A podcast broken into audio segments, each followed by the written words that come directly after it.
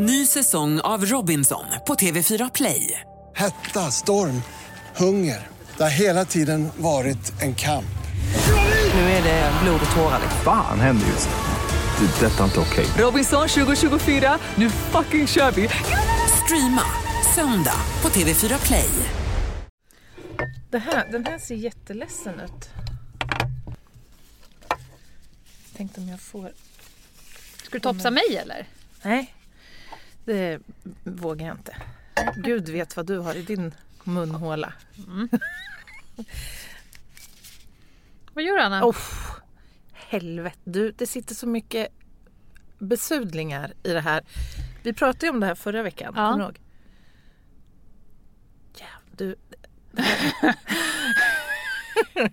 det här är ju som ett Jag- paradis. Jag som för- har en latent basilskräck. Det här är kanske det sämsta du kan göra Oh. innan vi ska spela in podden. För jag Ja, kommer jag sitta en halv, meter, en halv meter ifrån. Nej, ska, vi, ska vi topsa något? Ja. Vad har du med dig? Ja, nu topspack här. Topspack? Ja, Yes. steril tops. När man gör det här på riktigt ska man ju såklart ha skyddskläder och Ja. munskydd och så. Ja, så att du inte själv skickar på lite Precis. DNA, Lite, celler. ma- lite material. Ja. Nähä. Har någon snott min lilla vätska också då? Fan. Vad behöver du? Ja, Vatten? vet du vad? Vi kör torrt. Lite Ja. torr gnuss här. Du har ju vatten här annars. Ja men det går, funkar inte. Nej. Det måste vara destillerat. Ja, såklart. Ja, nu ska vi se. Oj, oj, oj. Vad tror du kan vara här? Vi får väl verkligen hoppas att det inte är sperma i alla fall. det finns en sån här skröna från när jag gick på tandläkarhögskolan. Ja. Då skulle man mikroskopera varandras salivprov. Ja. Och då var det en tjej som... Ja, man, man tog varandras salivprov då. Ja. Och så fick man då mikroskopera där och då säger, då säger ryktet att det lär ha funnits spermier som simmade omkring i det där provet. Ska man tro på det? Och det var ändå salivprov. Du var Ja. någon annanstans och Nej, nej, nej. med, med topsen? Glasklart Ja. salivprov. Ja, nej men jag Men det kan ju hända. kan Även hända. den bästa tänker Vad händer nu då? Ja, nu måste vi försegla den här. Ja, nu har du lagt lilla- topsen Jag har i lagt pösen. topsen i en sån här så kallad biopackpåse. Va? Ja, ja, ja, ja. Och sen fäster vi då på denna lilla etikett så vi får en spårbarhet sen när det här ska skickas till labb och processas. Mm. Och så kommer jag skriva här också nu vad det är för något. Mm. Då kommer jag skriva här topsad besudling från, vad kallas ens den här? Spott? Eh, Kåpa? Mickskydd. Mickskydd. Ja. Eh, och så sätter jag mitt datum, eller sätter jag datum och min lilla signatur på den här. Och så får den här gå iväg till labb så får vi se sen vad det var för något på den där. Spännande. Ja, fortsättning följer. Ja.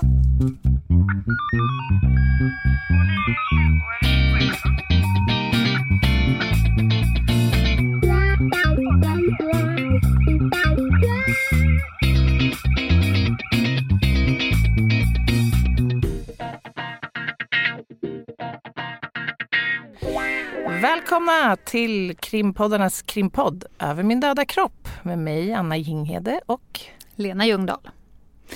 Jag börjar direkt kör. Jag har fått lyssna fråga.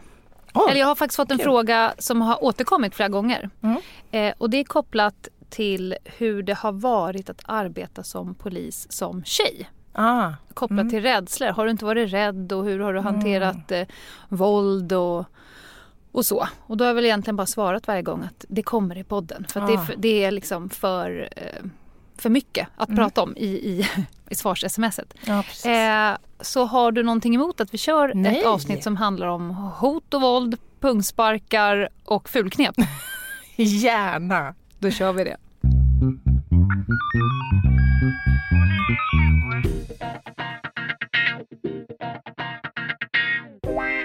Hur har du upplevt det? Alltså det är ju svårt, vi kan ju inte jämföra med så mycket annat. Men Nej. liksom, för jag tror så här, vi kan börja den änden kanske, att, att frågan väcks. Tror inte du att det har mycket att göra med att det finns någon slags myt om att poliser måste vara så fysiskt starka? Mm. Jo men så är det Och ju. Och det är ju fystester för att eh, komma in på skolan och det är fystester när man går på skolan. Så, så det, det är ju ett fysiskt arbete. Men inte alls i den utsträckning som folk tror. Nej. Det är viktigare att kunna skriva. Ja, Typ. och prata va? Ja. Ja exakt, jag brukar säga det att polistjänsten är 40% prata, eh, 40% skriva rapporter och Mm. sista 20 är lite High Chaparral. Ja. Ungefär. Men, men om man tänker då när, när man behöver ha den här fysiska liksom, Mm. kapaciteten så tror jag att många tänker på ingripanden som Mm. det primära. Sen är det ju Mm. mycket annat i polisens vardag som bygger på en god fysik ju. Mm. Men när det gäller då fysiska ingripanden och så, har Mm. du ofta stött på patrull där för att du har varit kvinna och svagare än din eh, patrullkollega? Nej, men, ja men det har hänt, helt klart. Eh, och jag gjorde ju, mycket det går ju att lösa med bra taktik. Mm. Jag hade ju faktiskt en ganska bra grundtaktik. Jag jobbade ju med en stor stark snubbe. Alltså, ja, men som choice, man fick ju välja när jag Ja. jobbade. Eh, Så att vi skrev upp oss tillsammans och det var ju dels för att vi funkade i alla miljöer, alltså man, vi kompletterade varandra, Mm. ja, i och för sig komplicerade varandra också ibland men, eh, men eh, det, liksom det ena, fun, funkar inte det ena så funkar det andra. Mm. Och det var många fall, han var ganska så här uh, försynt. Så det var många fall där jag höll på att försöka Ja, dra slita fattar. en och så kom han fram så här, eh, Lena ska jag hjälpa till? Ja. Ja men tack gärna, det vore toppen om du kunde sätta dig på den här personen. För att jag hänger och dinglar i ett snöre bara. Ja.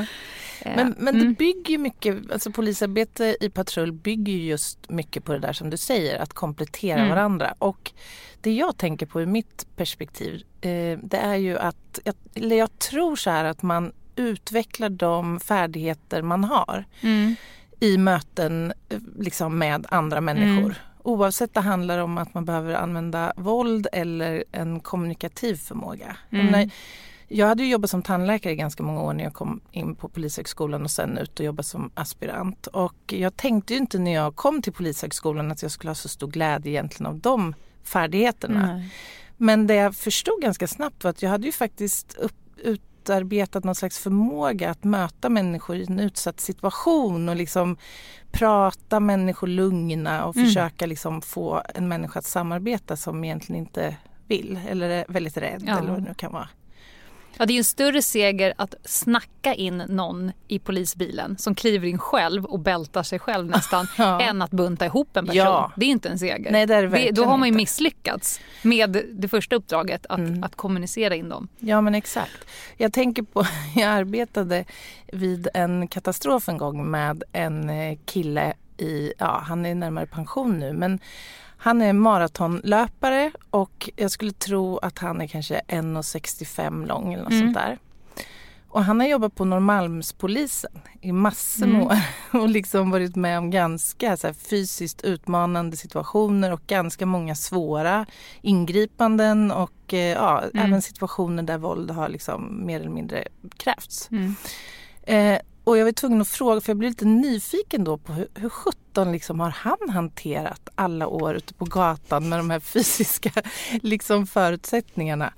Och till saken hör att han kom uppifrån norraste liksom, Mm. Norrland. Och jag kommer ihåg att han svarade typ så här. Hörde du, jag kan räkna på min ena hands fem fingrar de gånger jag har behövt brottas. Mm. han. Och det, Ja, han, han pratar lite bättre norrländska. jag tycker Men- det är bra.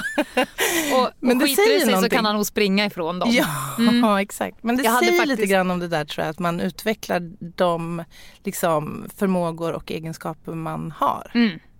Nej, men man har ju nytta av, av dem och man Mm. har ju olika kvaliteter. Mm. Kommer ihåg vi hade en, en, en biljakt som slutade med att den vi jagade körde eh, över på fel sida. Så han åkte helt enkelt mot trafiken. Aha. Och då är en sån här grundgrej att då slutar man jaga för att det inte ska bli Det är farligt. farligt. Mm. Men han körde i alla fall ner i diket och hoppade över på en äng. Mhm. Eh, och min kollega som också var en, en eh, hängiven löpare kastade sig ut och så såg jag bara ficklampan. Jag, jag tänkte att jag springer inte ens efter, det är ingen idé. Nej. Så jag såg bara ficklampsljuset fick, eh, Ja, ja. på, på, Käglan på liksom. ängen. Så här, ding, ding, ding, ding, ding. Han hoppade omkring. Så tänkte jag så här, han kommer aldrig komma ifrån min kollega. Nej. Och till slut så kom de ju tillbaka. Och den här killen som, kom, som då hade försökt dra, Mm. en, en ganska stor, krallig, nymuckad eh, Mm. kille. Så han satte sig i bilen och satte sig där bak och så skulle vi köra in i alla fall. Och då sa min kollega så här, ja, alltså man har ju olika fördelar. Om du hade valt bänkpress, då hade du vunnit. Och nu valde du löpning och då vann jag. Ja. Det var liksom inget mer med det. Man har olika delar.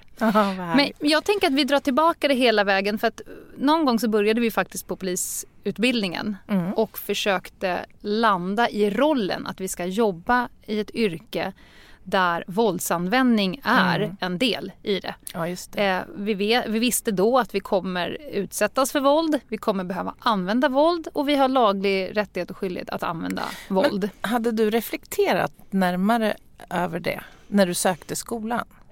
Jo men det hade jag. Ja. Det hade jag tänkt. Och eh, jag, sen när jag var lärare på Polishögskolan och hade min mentorsklass så diskuterade vi faktiskt just det där. Mm. Alltså hur känns det nu att vissa har hållit på med kampsport och vissa Mm. kanske till och med har slagits privat. Men det är en ganska stor andel människor som aldrig har åkt på stryk eller använt våld mot någon.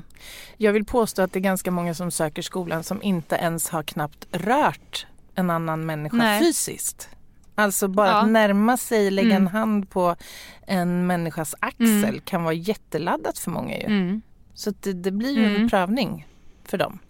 Vad var ditt första, första möte då på Polishögskolan? Var det på självskyddsmattan? Första... Möte med våld liksom? Ja. Våldsanvändning? Eh, ja, det var, Ja. jag börjar garva nu för att jag var med om en helt sinnessjuk grej. En av de första, eller det var väl inte en av de första passen men det var under självskyddet på Mm. PHS. Jag gick i en basgrupp då med eh, några killar och en av dem var väldigt, eller är stor och stark och före detta hockeyspelare. Mm. Alltså bara hans bakdel är ju som så här, 30 Som du. kilo granit Ja. ungefär. Alltså, Det är mycket röv. Det är mycket röv men Ja. det är också ut sån här råstyrka. Ja.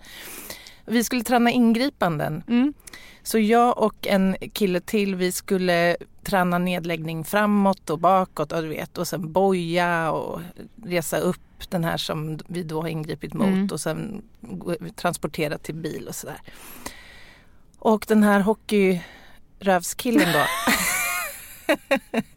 vi, vi Ja. lyckades lägga ner honom framåt Ja. och jag lyckades slå på fängsel på min sida. Ja. Och så min kompis, han är på väg att göra samma sak. Men precis då, då vill hockeykillen inte längre vara med. Nej. Och du vet hur det var på POS, det skulle alltid gärna liksom överdrivas lite grann. Såklart. Så, här, ja. Såklart. så han bjöd väl lite extra motstånd då bara för att det var vi. Så han reser sig upp Mm. med oss hängandes liksom fortfarande i Alltså jag hänger i bojan som, som inte sitter på. För jag tänker att han, det kommer göra ont på honom så Ja. rimligen borde han ju släppa. Mm. Nej, Nej. tvärtom. Han svingar. Alltså han gör bara någon slags liten sving med sin arm. Ja. Och jag, alltså jag upplever det som att jag slungas iväg över Jag ser, Över jag ser handen framför mig faktiskt. ja, och landa på nacken. Nej. Ja, det var inte superbra faktiskt. Det slutade med att jag fick operera nacken Nej, sen. Jo. nej. Och här har jag Ja. suttit och garvat en Ja, stund. ja, men jag garv, kan ju själv garva åt idag. Och det var en ganska... Nej. Det, var det där du fick diskbråcket? Jajamän. Nej, vad fan. Ja, det var lite snopet faktiskt. Vad men, säger hockeyröven efter det? Nej, men han, alltså, han mådde ju inte jättebra efter det. Det, kände, det var ju inte såklart hans mening. Och jag skulle ju ha släppt. Det är ju också en sån här grej man, man liksom lärde sig Mm. Ja, då. ja. När, det, när man måste byta taktik helt enkelt. Ja, och, ja. Du då? Har du? Nej, men jag, har, jag har också en anekdot där jag valde helt fel taktik. Jag Ah. fick en sån jävla utskällning Nej. på sin plats. Okej. Ett av mina första eh, arbetspass tror jag som aspirant. Eh, så får vi ett, ett larm då att det är en man med, med knivar som står på någon balkong och, och skriker att han ska ta livet av sig själv och andra. Oj. Så vi åker dit, jag och min eh, stora starka kollega. Mm. Eh, och när vi kommer dit så ser jag ganska snabbt att den här gubben är liksom någonstans mellan 300 år och döden. jag Jaha, tänker, okej. jag plockar honom. Så, du vet, nyexaminerad, Ja. skitvältränad, jag ska rädda stursk. världen. Stursk. Ja. Nej men, ja, och så gick vi runt, för jag öppna inte dörren. Mm. Eh, och vi tänkte att han är inte farlig för någon annan för han är ju hemma i sitt hem på Mm. sin balkong. Men visst, han stod med, jag tror han hade så två knivar i varje hand. Han såg Mm. lite ut som Edward Scissorhands med de här knivbladen. Det var som några i varje hand. Mm. Eh, så han var inte farlig för någon annan utan men det var ju mer så suicid. Han hyttade mot både sig själv Mm. och liksom ut. Så. Eh, och medan min kollega står och eh, han hämtar det här force-verktyget du vet som man har i bilen som man ska Mm. Ja. försöka slå upp dörren med. Bonken. Bonken ja. Mm. Eh, så är han liksom i trapphuset och jag står på utsidan nedanför balkongen. Och så Mhm. tänkte jag bara så här, alltså är det någonting jag kan så är det klättra upp för med Nej. mycket vikt på mig. För att som gammal gymnast man har ju klättrat de här lianerna upp och ner, upp och ner, upp och ner med en sån här viktväst på sig. Ja. Så att jag, nej men, nej men jag, jag, jag tappade all, all taktik. Så jag hoppar Jag helt tänk- enkelt ja. upp, tar tag i, i räcket på balkongen. Det här är i, i Farsta, nedre botten. Det är liksom folk lite här och var. Tar tag in i räcket, kastar mig upp över, eh, in på balkongen. Då försvinner han ju in i lägenheten. Mm. Och så börjar jag liksom springa eh, och bara samla. Det var så mycket knivar och saxar och stick och skärvapen i det. Så jag började bara springa och samla så här. Eh, och han gör egentligen ingenting. Men någonstans där känner jag så här, det här är jättedåligt. Nu är Ja. jag i lägenheten med en man som har liksom uppvisat Och du vet inte vad din kollega är heller? Nej, nej. Men jag, då vaknar jag till och så springer jag mot dörren. Och så öppnar jag dörren. Jag, tänkte, jag trodde du skulle säga att jag sprang tillbaka Nej, ut och slängde Nej, nej, jag springer mot dörren, öppnar dörren, min kollega kommer in, vi tar tag i mannen, Mm. lägger ner honom, bojar honom och, och så kommer jag inte ihåg vad det var. Och sen så kände jag bara så här, gud vad bra det där blev ändå. Mm, slut. Ja, det Mm. blev ju bra till slut och, och ingenting hände och han tog inte livet av sig. Det var ju Nej. så här, not on my shift. Så. Mm. Satt oss i bilen, då tittar min kollega på mig, stänger av bilen. Åh, så sätter han och skäller på mig. Han skäller Mm. och skäller och skäller och jag blir så här, ja, Mm. nej men du har rätt. Ja, Då sa han så här, vi jobbar inte så här Mm. utan det är ingen av oss som ska sätta livet liksom här Precis. utan du hade, skulle vänta bla bla bla. Sen Mm. jobbade vi med varandra i flera år efteråt och eh, jag gjorde aldrig om samma misstag. nej. Men ja, nybörjar rookie mistake.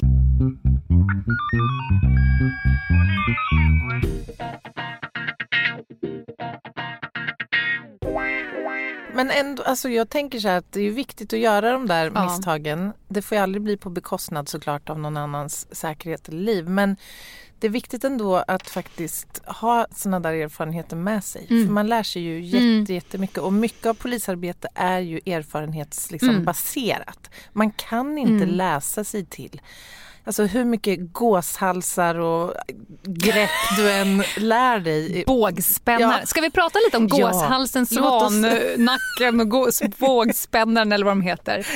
Det var ett gäng tricks man lärde sig på självskyddsmattan. Ja men greppteknik. Partytricks.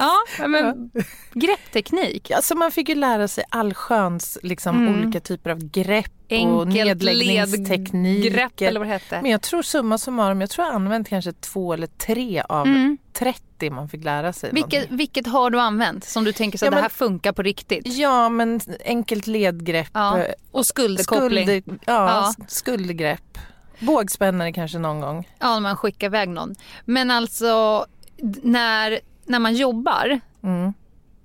Och, ta, och ska försöka få tag på armen Ja. på en stor stark. Oftast så har ju, vi är ju båda tjejer och kanske ofta har haft att göra med människor som har varit längre eller starkare. Och eller. Mm. Att få tag på armen och få till ett tjusigt, en, en tjusig litet sånt där vinkel Ja, i handleden. Eh, Förklara, förklara för våra lyssnare Ja, vad man tar liksom armen och så viker man ner handen mot underarmen Mm. så det blir så en ganska oskön vinkel i handleden. Försök göra det med någon som har jävligt starka handleder. Ja, och när du själv är lite stressad, för det kort. bygger ju på en hyfsat god finmotorisk Ja. kapacitet. Nej, och, och då, ja, min, eh, min kompis Helena och, och kollega, hon har ett, ett fint uttryck. Hänga handväska. Hon Aha. säger så här, och det har man ju gjort. När man äntligen får tag på en arm, då tar man tag i Ja, den ja, och sen hänger. bara Ja, hänger man. En, man hänger i varsin arm till personen antingen tröttnar eller åtminstone slutar veva så att man får upp armen någonstans. Det är sant. Det här att försöka få till någon form av snygg, eh, går in en snygg kata och sen avsluta med en, en, en svanhals. Nej, nej. Nej, det hör inte Nej. hemma riktigt där. Nej. Benlås kommer jag också Benlås på. Det har man ju faktiskt Mm. tillämpat några gånger. Mm. Och det, alltså att man kopplar de där greppen, det handlar ju om faktiskt att få kontroll över en situation. Mm. Eh, det kan ju se ganska kanske våldsamt ut så. Men det handlar ju om att skydda sig själv och den man faktiskt ingriper Mm. mot och en tredje part ju. Många gånger. Ja, verkligen. Jag tänkte när vi ändå är där och, och, och tafsar runt. Eh, jag tänkte jag ska belysa polisens våldsanvändning. Mm. Det finns ju faktiskt liksom laglig rätt.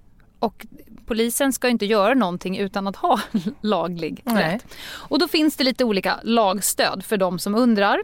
Eh, det finns den här fina paraplyparagrafen i polislagen eh, som man så vackert kallar behovs och proportionalitetsprinciperna. Mm. Alltså att man ska bara använda våld om det behövs och bara så mycket som det behövs och Mm. bara om det står i proportion till liksom, åtgärden. Mm. Och bara om man har lagligt stöd att använda våld. Mm. För då finns det x antal paragrafer som säger att polisen får använda våld. Mm. Till skillnad från gemene man Mm. som inte ska använda våld. Och det är liksom, då blir det ju misshandel till exempel. Det finns ett undantag. Ja, nödvärn. Mm. Eh, men, och, då, och då finns det då den paragrafen och sen så finns det då en, en paragraf i polislagen som säger vid vilka tillfällen som får polisen får använda våld. Och det är till exempel när de möts av våld eller hot om våld. Om de ska beröva någon friheten, till exempel gripa dem. Mm. Eh, om de ska av någon annan anledning ha in dem i bilen. De kanske ska avlägsna eller omhänderta dem. Mm. Eh, eller om de gör någon annan tjänsteåtgärd. Och då får de använda en försvarlig mängd, våld. ja. Och det där är ju inte helt givet. Nej det är vad inte. som är en försvarlig Nej, mängd och det är en våld. mikrosekunds beslutsprocess. Ja, Eh, exakt. Men sen har vi då den här nödvärn som du nämnde. Eh, och till skillnad då för att använda försvarlig mängd våld, så nödvärn, då får man använda allt våld som inte är uppenbart oförsvarligt. Mm. Och däremellan finns också nödparagrafen där det står att man får använda ej oförsvarlig mängd Ja, våld. Så det här att- är ju en bedömningssport av högre karaktär. Eh, och nödvärn, det är ju den här paragrafen som alla får använda sig av. Mm. Eh, och då kan man säga så här, det är en objektiv ansvarsfrihetsgrund. Och vad betyder det? Jo, Mm. det betyder att om du begår en, eller om du gör en gärning som egentligen är ett brott, Mm. till exempel misshandel eller olaga frihetsberövande och sådär. Då kan du ha ansvarsfrihet mot det. Du har Mm. liksom inget straffansvar. Och då ska det ju då till exempel vara fara för liv och hälsa. Och någon ska helt enkelt befinna sig i nödvärn. Mm. Och man kan ju nämna det också att det kan ju handla om sin eget, sitt egna Mm. nödvärn eller någon annans. Mm. Du kan ju överta någon annans rätt. Så polisen använder ju samma paragraf som alla andra där. Mm. Det, de har inte en egen nödvärnsparagraf. Nej, precis. Eh, och den tror jag de allra flesta vet om. Men så finns det faktiskt två till Mm. eh, som jag tänkte belysa som jag tror att folk kanske inte vet om. Nej. Eh, och det ena är det vi kallar för putativt nödvärn. Mm. Eh, och det är ju i efterhand visar det sig att det inte var ett nödvärn. Det vill säga Precis. det var egentligen inte en fara för någons liv eller hälsa.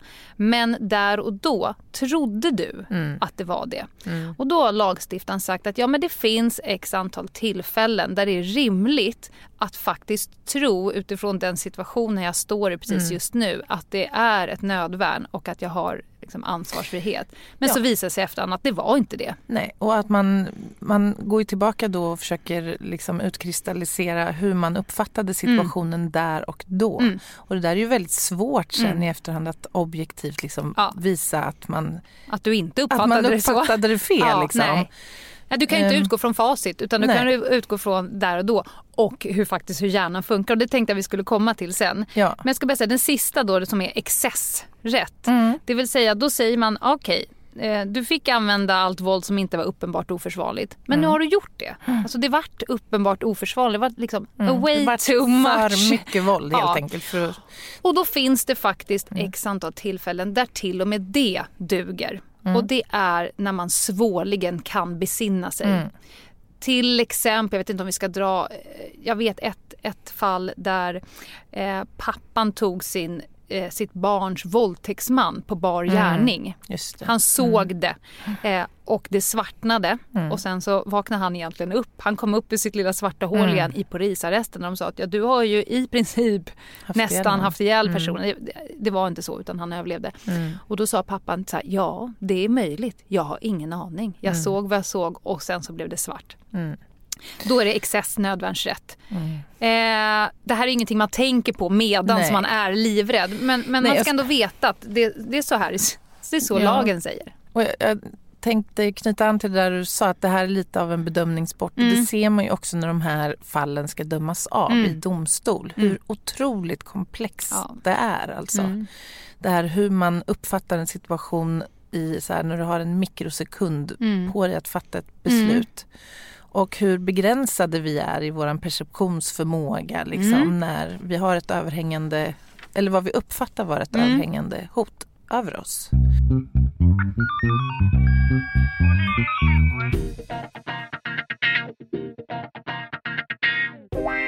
Jag, jag håller ju såna här säker kvinna-utbildningar på helgerna.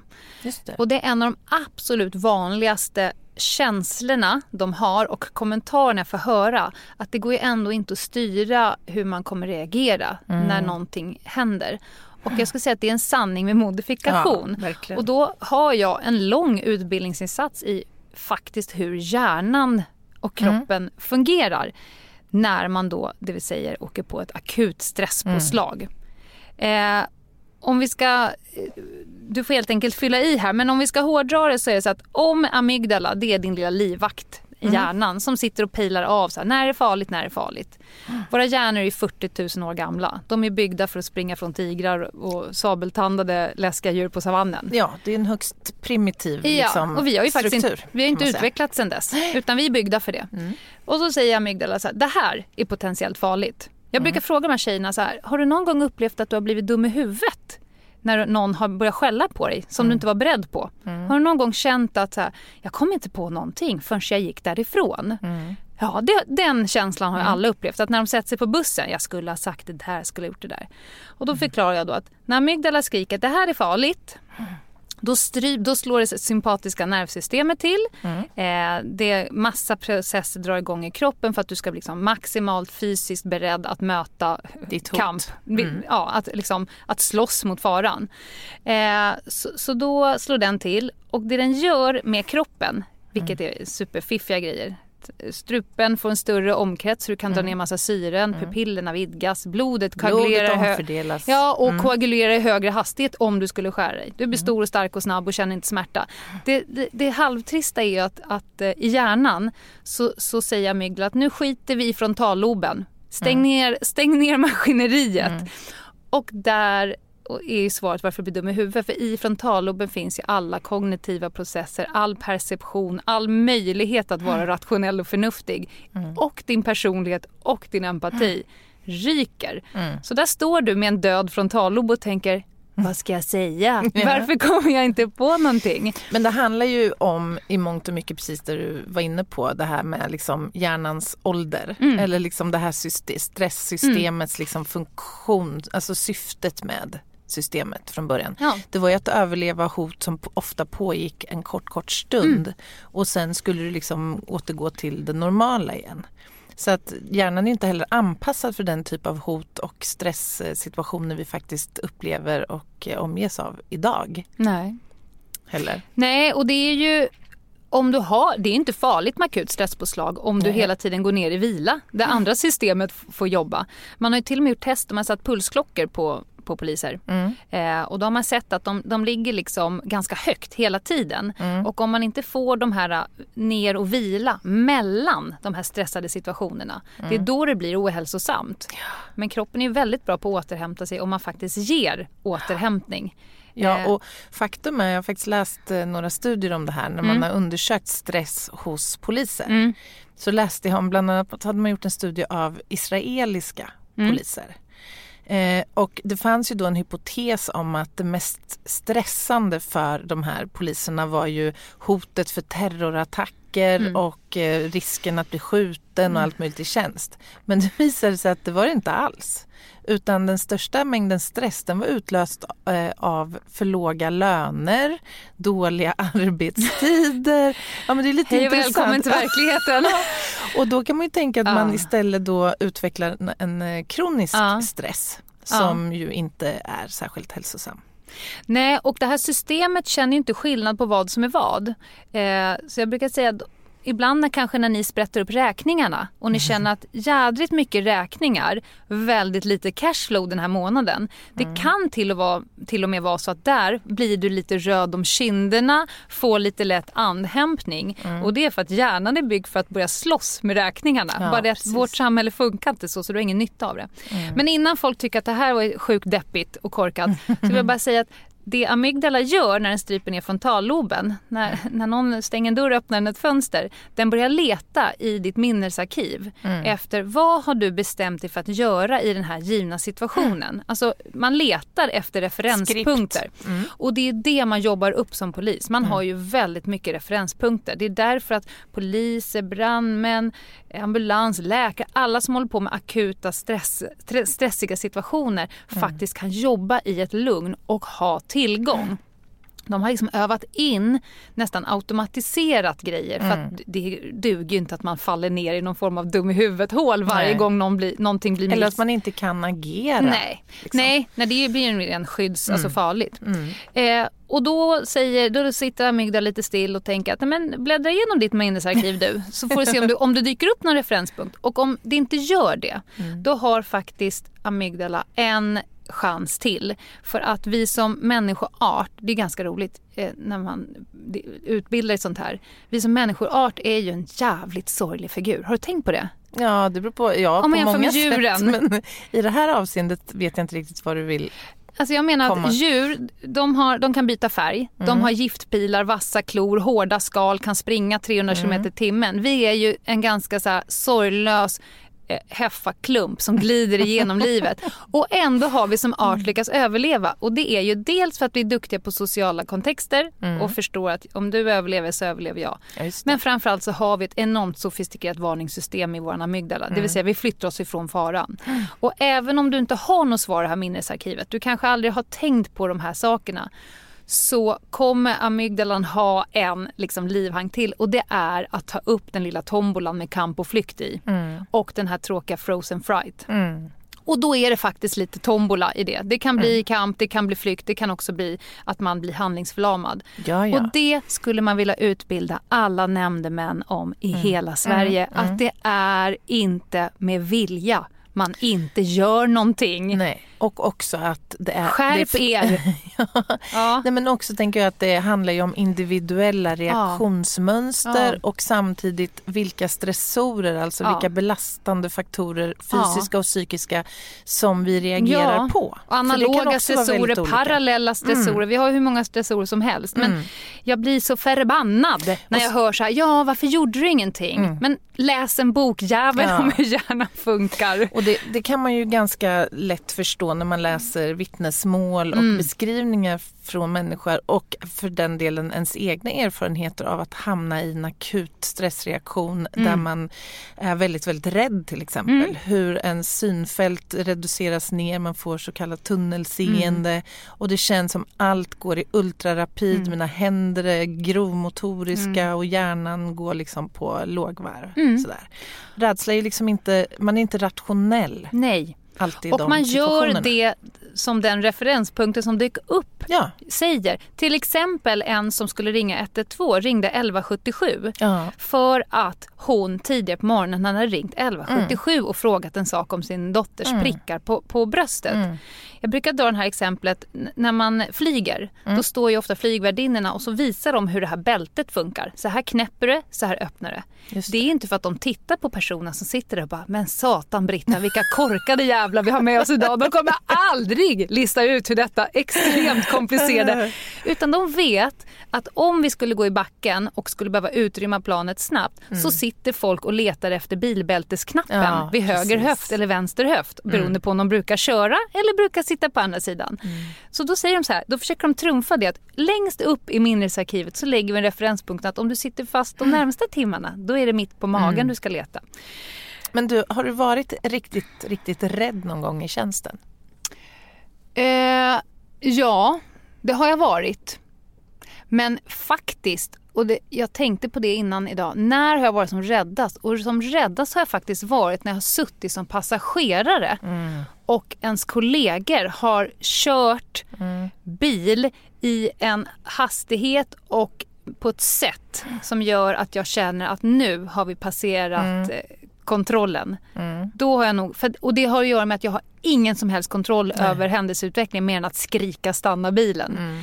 Eh, det är väl de gångerna som jag har varit liksom mest panikartat rädd. Mm. Att, nu skiter det sig kanske. Om det skiter sig nu, då skiter det sig rejält. Ja, precis. Eh, sen har jag också en, en händelse som kan så dyka upp i mig när, när det varit full, full, full fight nere i en tunnelbanestation. När man springer ner under jord eh, och vet att nu försvinner täckningen.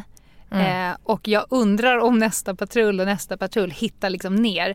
Och den här mikrosekunden som man känner innan man kommer runt hörnet. När man mentalt försöker förbereda sig. Jag försöker leta i minnesarkivet för rätt sätt att göra här. Och så vet man inte, är de liksom tre, är de 30? Är det vapen? Den här mikrosekunden innan när det nästan svartnar. Innan man har faktiskt bildat sin uppfattning. Okej, de var 30. Då är det så här. D- då, då suger det ju till i systemet. Ja, för man vet inte riktigt vad som väntar en. Du då? Nej, men, eh, jo, men jag har också några erfarenheter både så från mitt privata liv och från eh, tjänsten såklart. Eh, och framförallt en som jag kommer att tänka på nu och det handlar om ett våldsamt upplopp Mm. eh, i samband med en fotbollsmatch eh, som spårade ur. Och eh, de här falangerna då på lagens C-supportersida så att Mm. säga, de konfronterades. Och det här skedde på Stortorget i Örebro en lördag förmiddag. Mm. förmiddag. Då hade Där de bestämt fanns- mötesplats och skulle de Ja, göra upp. precis. Så skulle de göra upp. Mm. Och det som inleddes som en kommendering som kändes väldigt trygg och eh, lugn och sådär övergick i något som jag närmast skulle beskriva som en krigszon. Mm. Du vet när det haglar tegelsten och stenar Mm. och man ser knivar och någon liten tant med rullator där och barnfamiljen på restaurangen där och så här. Mm. Och just det som jag upplevde som värst var det här som du är lite inne på också. Så att man inte kan få kontroll över situationen. Mm. Liksom. Och för det är det man skriker. Man har passerat gränsen för att det går att göra efter. någonting. Ge mig Ja. kontroll Mm. över mig själv och omgivningen. Mm. Liksom. Det slutade ju väl trots allt den gången men det var en riktigt, riktigt Ja. eh, obehaglig upplevelse och en, man, en känsla man fick av att vara väldigt, väldigt liten och utsatt.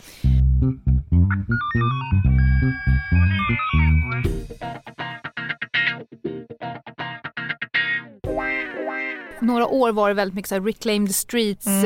eh, Ja, demonstrationer uppe i Stockholm. Där det var liksom långt till vänster, långt till höger falanger som skulle Mm. bråka och det kom gärna folk från både Danmark och, och, och Frankrike. När de kommer upp då vet man att nu blir, nu blir det åka av. Nu tar jag fram min lilla reflexväst. Jag tar står två polis. spray med mig ut. Ja. Nej, vi hade ju här identifieringsplagg. Jaha, vad är det för något? Eh, för att när det skiter sig, när man hamnar mellan ena falangen och andra falangen, när man ska försöka springa in i skydd. Mm. Vårt jobb är då att ta reda på var de är, vilka ska gripas, vad ska de och så vidare. När man ska springa in i skydd, och skydd Mm. är ju deltagrupperna, de stora med hjälm, sköld och den stora eh, elaka batongen. Då ska man försöka hamna på andra sidan av dem. Mm. Och då fick man såna identifieringsplagg som man kunde dra på sig för att kunna visa att jag är polis. Ja, det vill det man inte visa när man är inne i gänget. Det, vi ja. hade som någon Ja, men- slags reflex. Ja, en, en liten mössa. gul, jaha, Ja, en, en liten neonfärgad mössa. Eh, och då var det en av oss som gick ner på eh, där deltagrupperna hade sin utsättning. Där de liksom gjorde upp mm, taktiken för dagen och vi gjorde upp vår taktik. Så gick vi ner så visade den här mössan och bara, vad betyder den här för er? Det var någon som sa så här, aldrig sett, ingen aning, men jag har något att sikta på när jag ska slå dig. Man bara, det är uppfattat. Så att jag la bara ner den där i fickan igen och bara den här kom inte på utan jag får helt enkelt hoppa över eh, sköldarna. Nej men de gångerna är man ju extremt liten. Det var ju, man stoppar ner en extra OC-spray i, veck- i, vä- i liksom väskan. Mm. OC-spray, har du? Oh, ja. Eh, om jag har sprayat eller fått spray på mig? Ah, men hur, hur tyckte du att utbildningsinsatsen var när de sprayade i dina ögon? Alltså, jag måste säga att nu kommer du tycka att jag är helt dum i huvudet förmodligen. Men jag tyckte det fanns något lite njutbart av det där momentet mm. ändå. Berätta. Nej, men vi kan berätta. Det går till så för att eh, polisen har ju eh, OC-spray som innehåller peppar. Mm. Eh, de är, är ingen får ha dem utan det är, det är, liksom, det är brott mot vapenlagen Mm. om någon annan än polis har dem. Eh, och för att få ut dem och ha dem liksom i, på sitt bälte Mm. eh, så är man tvungen att gå en, en utbildning och en del i utbildningen är att man helt enkelt får sätta sig på en stol. Förr Mm. i tiden då, de sprayar ju in i ögonen på oss och på slutet så droppar Ja, man de droppade. Ja. Ja. Eh, eller man satte det på fingret, jag kommer inte Mm. ihåg. Och sen så har du fått det och så slår det till och sen ska du gå en liten bana där du ska slå ner någon. Du ska typ verka med batong Ja, och du sätta ska... handfängsel, Ja. du ser ingenting Nej. och allting i kroppen skriker så här, jag tror att du håller på att dör. Ja. Eh, så är själva utbildningen. Berätta Ja. vad det var som var njutbart Nej, men i alltså, det här Anna. Nej, intressant. Man hade ju hört talas om hur fruktansvärt smärtsamt det här skulle vara och hur det liksom, ja man upplever sig ju lamslagen Ja. liksom, av en sån här dos på Mm. sig. Och vi kanske ska säga att man utsätts för det, det är ju dels för att förstå hur den man ingriper mot kan reagera Ja. och hur det, alltså man, för man kan relatera till Ja.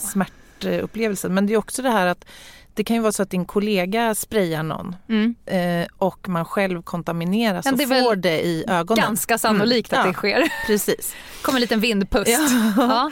Nej, men jag upplevde att många examinationer man gjorde på Polishögskolan Mm. de var ju väldigt inriktade på fysiska utmaningar. Mm. Liksom. Och killarna var ju nästan alltid Mm. bättre. Mm. Trots allt. Men här kunde jag se ganska tydligt faktiskt på OC-examinationen hur tjejerna var riktigt brutalt bra. Ja. Och det där handlar ju om, tror jag, att, man, att kvinnor kanske kan hantera, alltså evolutionärt har rustats att faktiskt hantera akut smärta bättre för att vi föder barn och allt Ja. sånt här. Eh, men så tjejerna i min klass var faktiskt riktigt tuffa. Ja, ni gjorde det på skolan? Ja, vi gjorde det på Jaha. skolan. Och det var många av killarna som tyckte det här var otroligt jobbigt alltså. Ja. Eh, så. Så att, eh, nej men sen var det ju lite kittlande att se det här hur det kändes Mm. liksom. Och, få, och visst, det gjorde ju Mm. fruktansvärt ont men man vet ju att det här är övergående. Mm. Du är milt saddo. Ja, lite Ja. sådär. Jag har exakt samma upplevelser. Mm. Eh, nu- vi fick det ju inte på skolan för då fanns inte det. Som, Nej, okej. utan vi var en av de första grupperna som skulle testa dem. Ah, ja, ja. Eh, så att vi, när vi hade jobbat eh, ett tag, Mm. eh, då blev vi inkallade till liksom, gympahallen skulle man göra här. Eh, och jag var ju nervös men jag Mm. visste ju att de säger att, att kvinnor kan, kan hantera den här typen av smärta bättre. Ja. Men så var jag, det var några före mig, vi var tre, tre tjejer och så resten snubbar. Eh, och så var det två killar framför mig som jag vet är riktiga såna här, du vet, nationella insatsstyrkan Mm, eller piket. Ja men du vet, Mm. riktiga jävla hardcore. Och när jag tittar på hur den här första mannen bara typ faller ihop. Viker ner sig Så att direkt. instruktören får komma upp och bara ställ dig upp! Mm. Du vet, agera, agera! Man ska ändå liksom in och kötta där. Och jag bara tänker, vad i helvete? Han faller upp i någon pöl. Nej, gud, och ja. liksom ja, men tar sig och, och tycker att han får andnöd och så vidare. Och när någon kom fram, du kommer inte dö, kötta, kötta. Ah. Liksom. Så då vart jag ju ännu mer nervös. Och sen så när de gjorde det på mig, ja men det gjorde ju ont. Det ska Ja. man inte säga någonting åt. Det, det gör ju obeskrivligt ont. Ja, det är det. Och det rinner från alla kroppsöppningar, höll jag på att säga. Inte alla, men de i ansiktet i alla fall. Ja, Från ja det gör det ju. ögon, ja, och man näsa och snorar mun och, och- ja. ja. det är en käftsmäll helt enkelt. Ja, det är det. Det är som att få en, en basketboll väldigt, väldigt, väldigt hårt. Inte bara på näsan utan i hela själen. Jag kan inte beskriva det mer, men det känns som att ansiktet ska liksom lossna. Ja, faktiskt. Men jag upplevde inte den här paniken utan Nej. nu kör jag det här varvet och sen så var det ju bara sanera. Tack och lov var det vinter då så jag gick ju bara ut och så körde jag rätt, huvudet rätt ner i, en snödriva eh, för att försöka så. Ja. Eh, men det är ett oerhört effektivt eh, vapen att använda i våldsanvändning som faktiskt är ganska mild våldsanvändning för att det blir ju inga direkta skador. Fol- eh, personen som man agerar emot kommer mest troligt, det är inte sannolikt, alltså det är inte, det är inte hundraprocentigt, vissa reagerar ju inte Nej, faktiskt. det biter ju inte på alla. Nej, men, men ganska troligt att de kommer att åtminstone degradera lite i sin egen... Ja. sin, ja, Ja. precis, sin Eh, våldsutövning. Och det, och det tycker jag är lustigt för det finns ju ganska mycket. Man har pistol och man har batong och, och, och handfängsel och OC-spray och så vidare. Det är ju lite vad man ska välja. Ja. Och jag tycker att det är lite lustigt att titta på de alldeles nybakade poliserna. Vadå, För berätta. Det, för de har ett midjemått som är typ så här 30. De är så jävla Ja, vältränade. Och det är så fullsmetat med prylar. Det är liksom lilla handskhållaren och det är Ja. lilla specialhandfängselhållaren Ja. och det är allt möjligt. Det är bara, Mycket gadgets. Mycket gadgets och mycket för att så här, jag måste hitta min roll. Mm. Och sen, så, det här är en väldigt fin empirisk studie jag gjort. Ju äldre i tjänst desto större midjemått. Till Mm. Ja. exempel på slutet så har man ganska mycket bälte. Ja. Och då hänger men typ pistolen. Då hänger en pistol för man tänker så här, jag snackar med ur skiten. Ja. Behöver ingenting. Om de har alltihopa skit och kastar jag polisradion i huvudet på dem.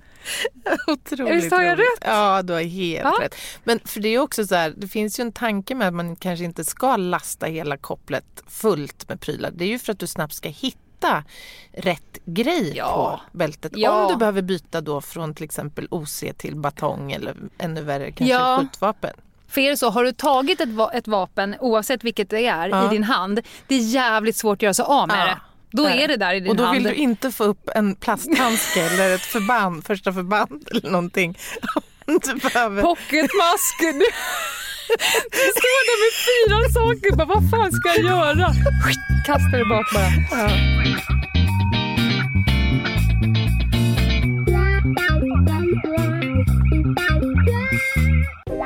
Men du, vad hade du med dig in då i våldsanvändning? Hur, hur liksom kunnig var du eller fick du börja från scratch? Ja, men alltså jag hade ju viss erfarenhet från kampsport faktiskt. Mm. Jag har ju hållit på en hel del med Kyokushin-karate. Framförallt som junior och upp i tidig vuxen ålder. vad Men hette det? Kyokush... Kyokushin. Okej. Ja. Ja. Vad tyckte du jag sa? Nej, jag hade ingen Ja, aning. Det bara nej. kom ett, ett ord. Ja, Kyokushin-karate. Ja. Ja. Ja. Eh, och jag vet inte om jag så att säga hade haft egentligen någon större glädje av de teknikerna egentligen i liksom den praktiska polisverksamheten. Men däremot så tror jag att det gav mig viss mental Mm. styrka Mm. och sådär. Att, och återigen där att våga faktiskt klappa till någon om det Ja, krävs. visst. Våga ta tag i någon lite hårt och sådär. Mm. Kanske till och med ligga på någon Mm. annan på marken och sådär Mm. som kan upplevas som väldigt, väldigt liksom, annorlunda och speciellt ju såklart. Och det gjorde det även för mig första Mm. gången. Nu jobbade inte jag ute så många år men jag hann ju ändå liksom prova på det. Mm. Ja, jag eh, har inte hållit på med, med karate, men brasiliansk jujutsu. Mhm. Eh, Gå- mycket gåshals där va? ja, där är väldigt mycket. Jag Ja. skulle säga så här, som tjej är det ju bra. Mm. För att du kommer förmodligen inte lösa kampen liksom ståendes utan du, blir det fight så kommer du att förmodligen åka ner i backen. Mm. Eh, och då finns det väldigt bra eh, grepp Mm. att göra att den andra personen inte riktigt kan göra vad personen hade tänkt sig att göra. Nej, så mycket precis. därifrån hämtar jag när jag har de här säkert kvinnoutbildningarna. Eh, men framförallt mentalt. Ja. Det mentala att sitta fast, att, att inte sluta kampa, att, Nej, att ta sig loss, att, Mm. att ge lite tjuvknäp. Att liksom, det är väldigt mycket en mental kamp eh, med kampsport. ja men det är det ju. Jag kom på nu faktiskt att jag har lite erfarenhet av krav maga också. Mm. Det, det är väl det de hämtar ganska mycket ut inom polisen? Ja, men det är det ju, det är ju Mm. faktiskt. Och eh, jag tror det här var sommaren, in, alltså sommaren innan höstterminen började på Mm. POS. Mm. Så var jag och min sambo tillsammans med en annan familj på semester ihop. Mm. Det här är en rolig historia tycker jag faktiskt. Jag blir fnissig nu när jag tänker på det. Men i alla fall, vi var nere, vi var nere i, på eh, kusten i, eh, men gud, nu står det Blekinge. Mm. Och eh, då är det så här att min kompis då, man, han har ett förflutet ifrån flottan där nere och även hans, hans pappa och sådär. Så att de hade kontakter på någon kursgård som vi fick låna där, någon liten stuga på någon, något kursområde. Mm. Eh, och det visade sig att vi var inte helt ensamma där. Det var inte bara folk som skulle semestra som var där utan det var också en hel del värnpliktiga. Så när vi satt eh, någon kväll där och drack någon bärs och sådär så kom det en, en kille som pratade väldigt bred göteborgska och han, han berättade, han var krav Maga-instruktör och han skulle lära ut eh, krav Maga till värnpliktiga här. Och, Såklart Ja, att han berättade så, det. Ja såklart, han var väldigt stolt över det här. Och, Mm. Ja, vi drack väl lite bärs där som sagt och snacket gick ju då om att det vore ju kul att, att testa krav Maga. Jag har ju hållit på med karate då, nämnde jag. Ja visst, och då helt plötsligt så uppstår någon form av battle där. Så att han liksom, ja men häng på imorgon då om ni vågar, Mm. säger han till mig och min kompis Eva då. Ja vadå, skulle inte vi våga det menar jag? Det, det är väl klart vi hakar på. Men sen när morgonen kom, man hade lite tungt, tungt huvud då efter ett antal öl där på kvällen före. Så skulle jag plocka ihop något att ha på mig under den här lilla kursen då vi skulle få vara med på, eller Mhm. övningarna. Mm. Ja, då visade det sig att jag hade en bikini med. Det var det närmsta en, en träningsoutfit. Gick du dit komma. i bikini Så jag till de värnpliktiga? Jag och Eva hade någon form av sport-bh-bikini med något litet, du vet, tunt sånt där spagetti-linne. Och så var det vi Lara och, och 20, 20-åringar typ.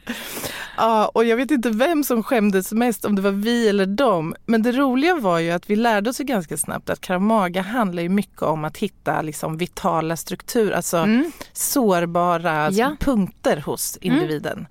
Varav en som den här krav maga-instruktören la väldigt mycket fokus på, nämligen pungen. Mm.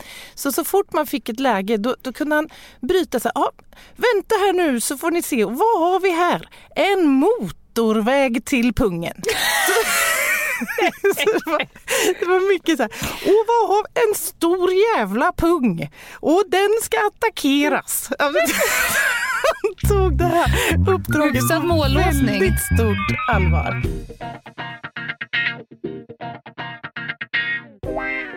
Vad är den vanligaste våldsanvändningen du har gjort? Nej men det är ju eh, alltså grepptekniker Ja. skulle jag säga som i syfte kanske ibland att framkalla lite smärta.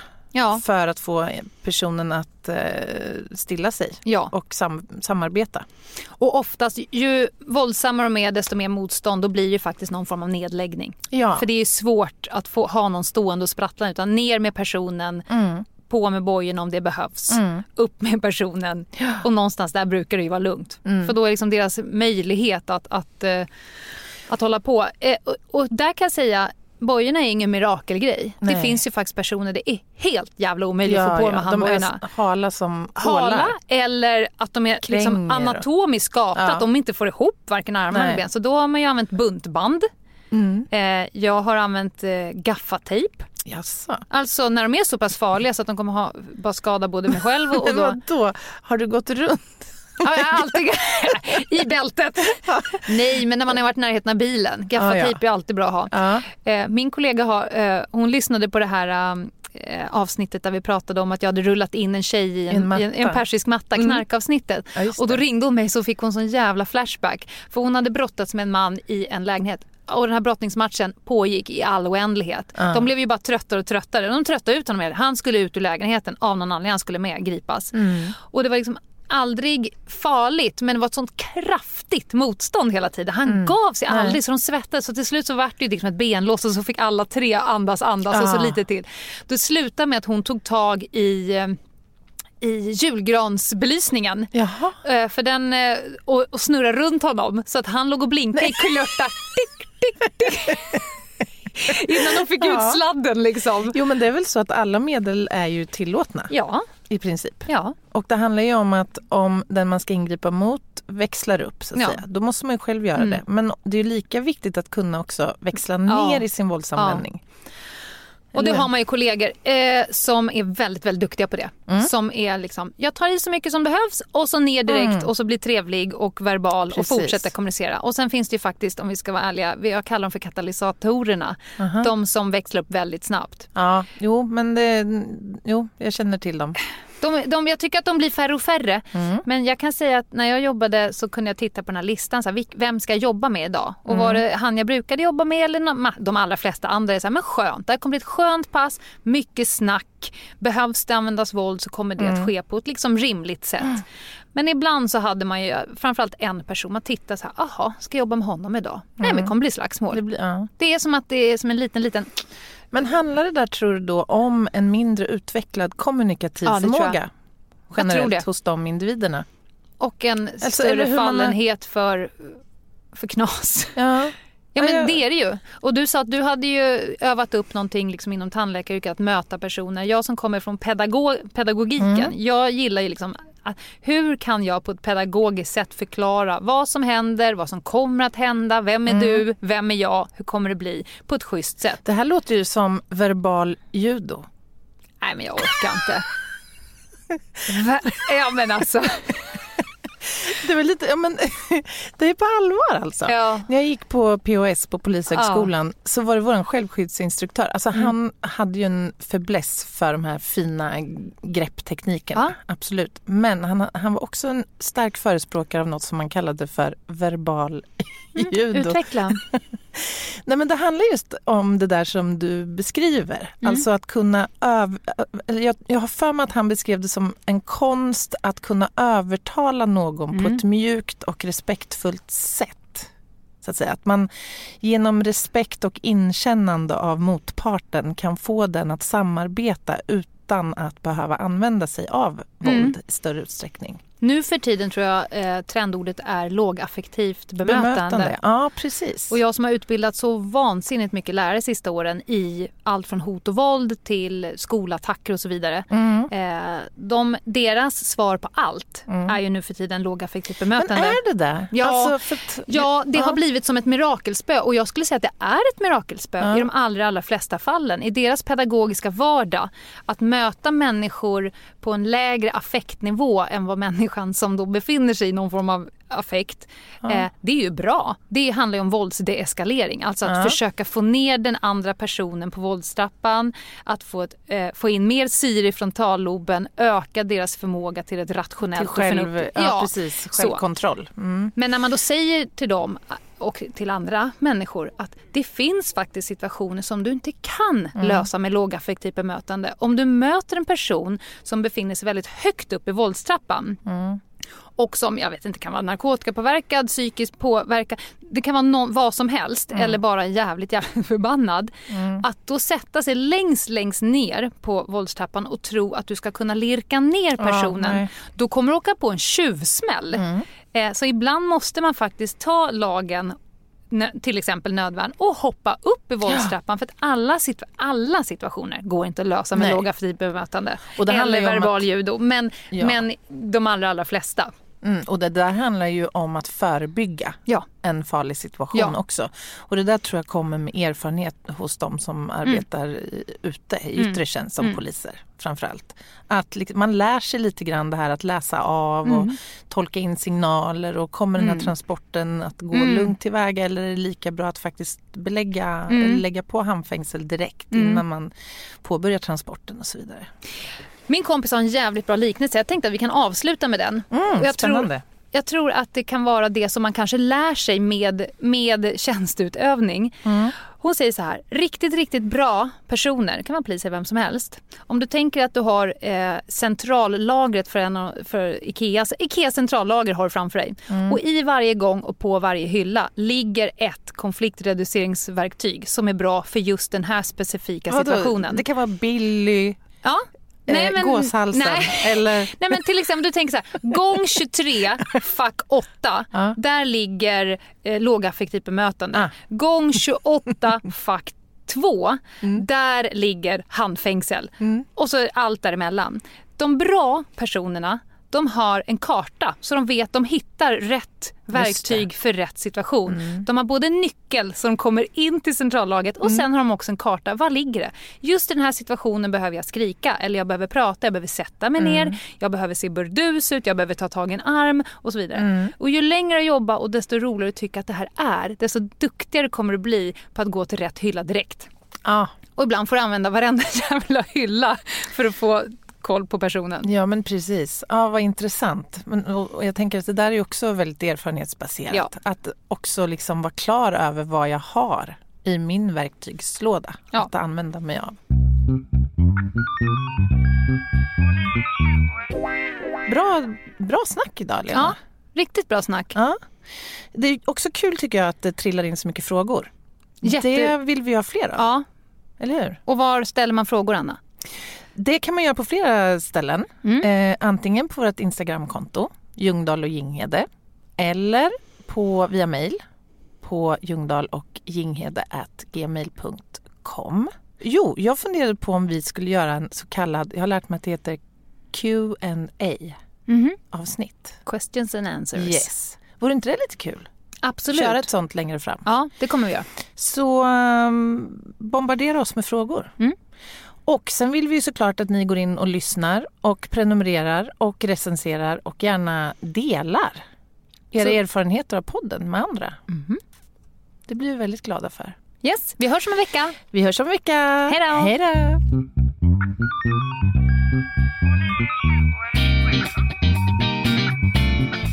En motorväg till pungen. nej, vad, nej, vad göteborgska.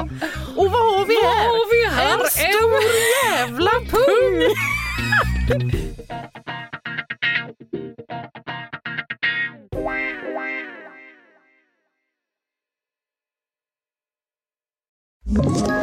Ett poddtips från Podplay. I fallen jag aldrig glömmer djupdyker Hasse Aro i arbetet bakom några av Sveriges mest uppseendeväckande brottsutredningar.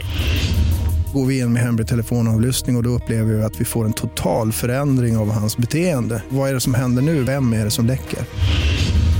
Och så säger han att jag är kriminell, jag har varit kriminell i hela mitt liv men att mörda ett barn, där går min gräns.